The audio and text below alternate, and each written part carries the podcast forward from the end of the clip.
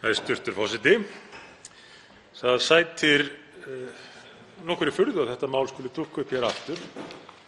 Það birtist ekki á þingmálaskrá ríkisstjórnarinnar fyrir þetta þing þegar hún var upphaflega kynnt og það er ekki í nokkru samræmi við þann raunveruleika sem blasir við, enda hefur ráðherrann engin svör.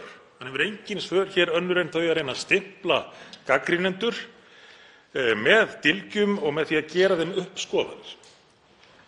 Það sem hér er stefnt að með þessu frumvarpi gengur þvert á það sem önnur Norðurlönd eru að gera og eru að gera í ljósi reynslunnar, í ljósi áratugareynslu, biturrar reynslu eins og stjórnvöld til að mynda í Danmörku lýsa sjálf. Íslensk stjórnvöld ráða ekkert við þetta verkefni eins og það stendur núna og því þá að leggja til að það verði gert margfalt erfiðara en á sama tíma líta fram hjá áhrifum eins og kostnaði, og halda því fram að það að veita margfalt fleirum sömu þjónustu og er tryggð afmörkuðum hópi núna, hópi kvótaflóttamanna, kosti ekkert. Eða sé á færi einhverra annarra ráðherra að meta. Afleiðingin kemur með þessu frumvarpi.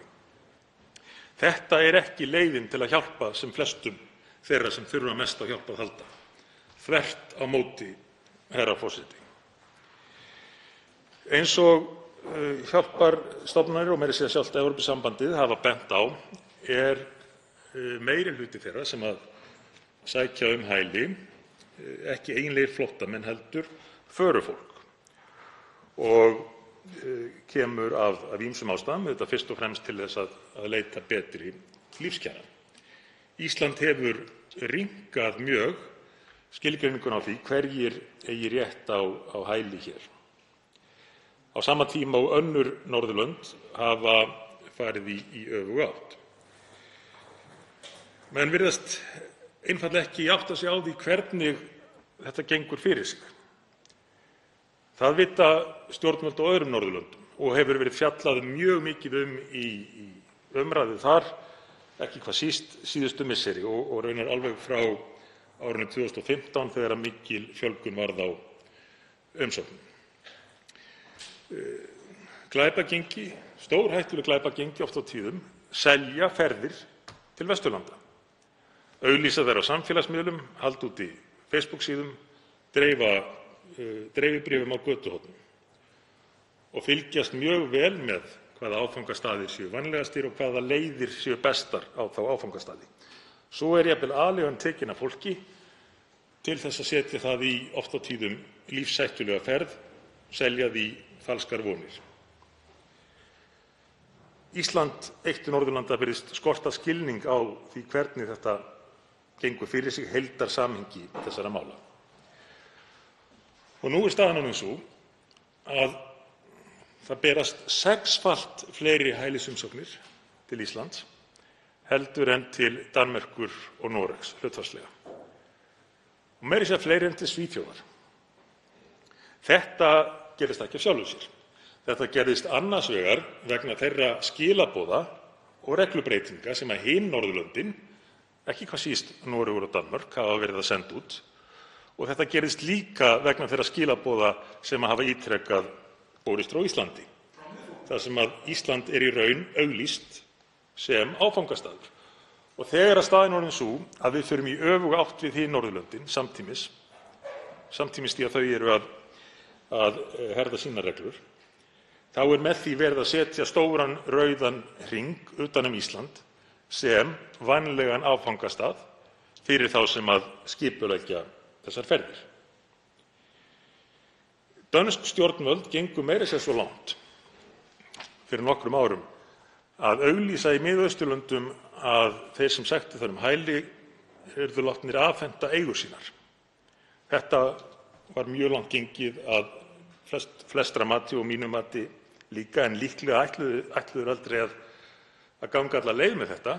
Tilgangurinn var hins vegar sá að senda út þau skilaboð að Danmörk væri ekki staður þar sem menn gætu vænst þess að fá alla þá ókeypis þjónustu sem þeir sem höfðu reynt að selja ferðirnar höfðu talið fólkinu trú um. Finnar lentu í því fyrir fáeinum árum að skyndilega bárust umsóknir, og ekki bara umsóknir, fólk mætti til Finnlands, 50.000–60.000 Írakar. Finnar áttuðu sig ekki á því hvað hefði gerst fyrr en í ljós kom að það sem þeir töldu tiltölulega smávægilega breytingu á innflytjendalögunum þar í landi hafði fært straum sem áður lá til Belgíu til Finnlands. Hér erum við hins vegar ekki að ræða smávægilega breytingu. Hér erum við að ræða grundvallarbreytingu sem felur það í sér að það eigi að veita þeim sem koma hingað og fá hæli á einhverjum forsendum alla sömu þjónustu og því fólki sem við bjóðum til landsins sem kvótaflóttamenn. Ísland hefur lagt metnað sinn í að taka vel á móti þeim sem við bjóðum hingað en nú á þetta að ná yfir allan þann fjölda, þær hundruðir sem verða svo væntanlega, verði þetta samþykkt, þúsundir sem hingað leita. Danskir jafnaðarmenn, sósíaldemókratar í Danmörku, hafa birt stefnu í útlendinga- og innflytjendamálum sem miðar að því að læra af reynslunni, ekki bara reynslu síðustu ára eða missera heldur reynslu undanfarinna áratuga. Sú stefna gengur ekki hvað síst út á það að beina fólki annað, beina fólki í eðlilegan farveg, þ.e. að það sæki um að fá að vera boðið til landsins. Forsætisráðherra Danmerkur gekk meira að segja svo langt fyrir fáeinum vikum að lýsa því að markmiðið væri að enginn sækti um hæli í Danmörku.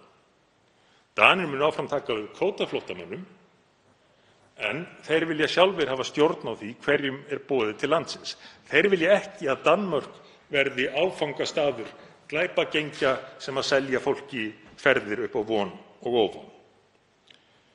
Danir meira að segja að leggja drög að móttökustöð fyrir flóttamenn í Afríku eða Miðausturlöndum. Stefnan gengur líka út á mikilvægi aðlögunar þar er átt við raunverulega aðlögun að samfélaginu, að þeir sem fá að koma til Danmerkur, er boðið þangað, aðlagi sig að grundvallarreglum og gildum samfélagsins.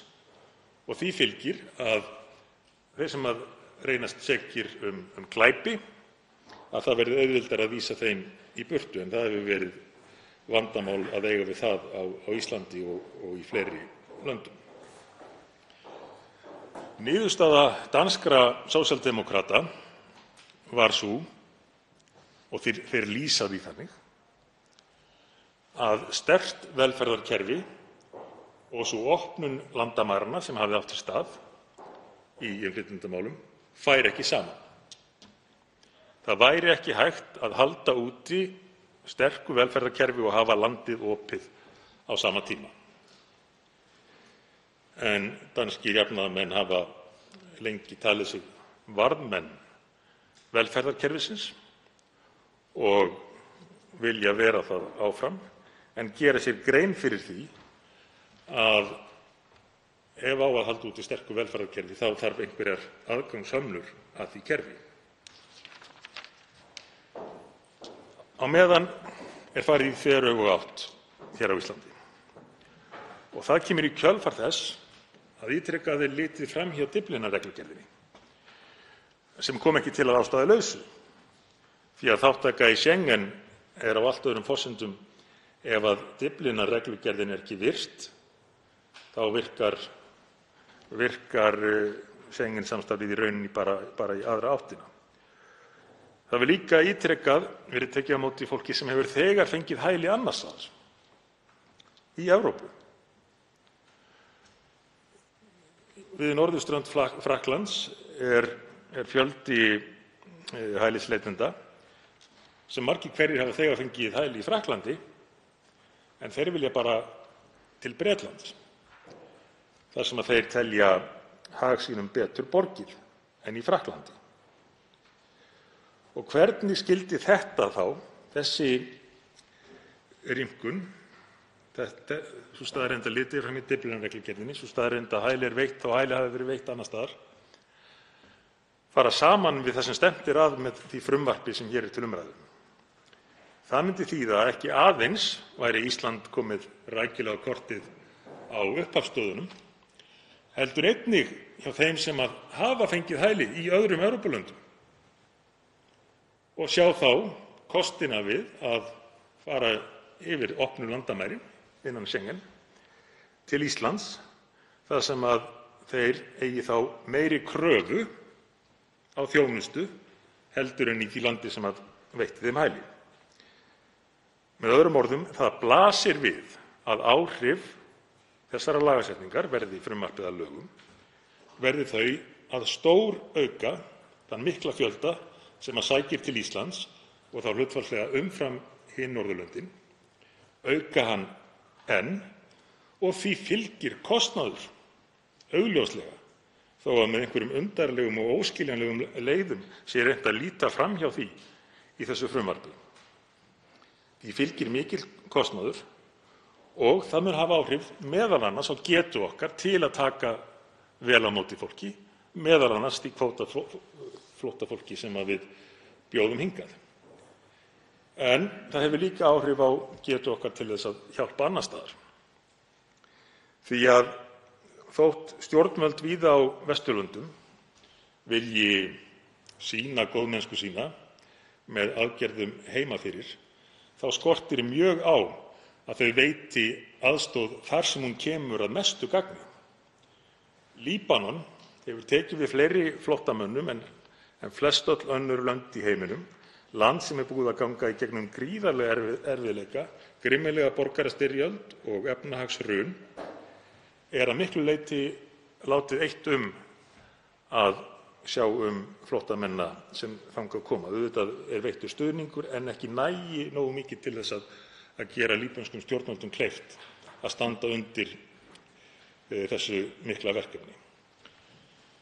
Tyrkland, vegna legu sinnar, hefur reyndar líka tekið við miklum fjölda flóttamanna en þar fóru stjórnvöld þá leið að hreinlega hóta Evrópulöndunum því að opna fyrir strauminn til Evrópu ef Evrópusambandið borgaði ekki.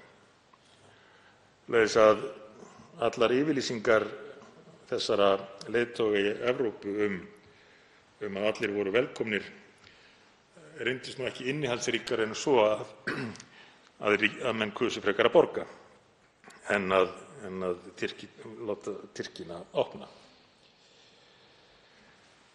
Það sem blasir við er gríðarlega stórt viðfangsefni og þess vegna verðum við að líta til staðreyndanna og byggja lausnirnar á þeim til þess að það fjármagn sem við höfum til ráðstöfunar, og við eigum að mínu mati að auka verulega stuðning við fólk í neyð, að nýtist sem best og nýtist þeim sem þurfa mest á hjálpinni að halda. En með því fyrirkomulagi sem hér er lagt til er verið að gera okkur erfiðara fyrir að aðstoða fólk. Það er verið í rauninni að vega að þeim sem fyrir vikið munu ekki fá þjónustu og ýta undir að þeir sem eiga síður rétt á þjónustunni sæki í hana. Þetta er staðreynd sem blasir við í öðrum löndum og hefur gert lengi. Önnur lönd hafa lært af reynslunni og eru nú að gera ráðstafanir sem ganga þvert á það sem íslensk stjórnvöld leggja hér til. Önnur lönd með sínum aðferðum, eins og Danir og danskir jafnaðarmenn með sinni stefnu, munu gera miklu meira gagn fyrir þá sem þurfa mest á hjálpinni að halda heldur en íslensk stjórnvöld með þeirri sýndarmennsku, ófjármögnuðu sýndarmennsku, sem birtist í þessu frumvarpi. Því miður er hættan sú að jafnvel þó að áhrifin af þessu komi fljótt í ljós muni líða á löngu áður en Íslendingar grípa til ráðstafana og læra af reynslunni. Það sýnir reynsla annarra. því getum við ekki reynt að læra af henni.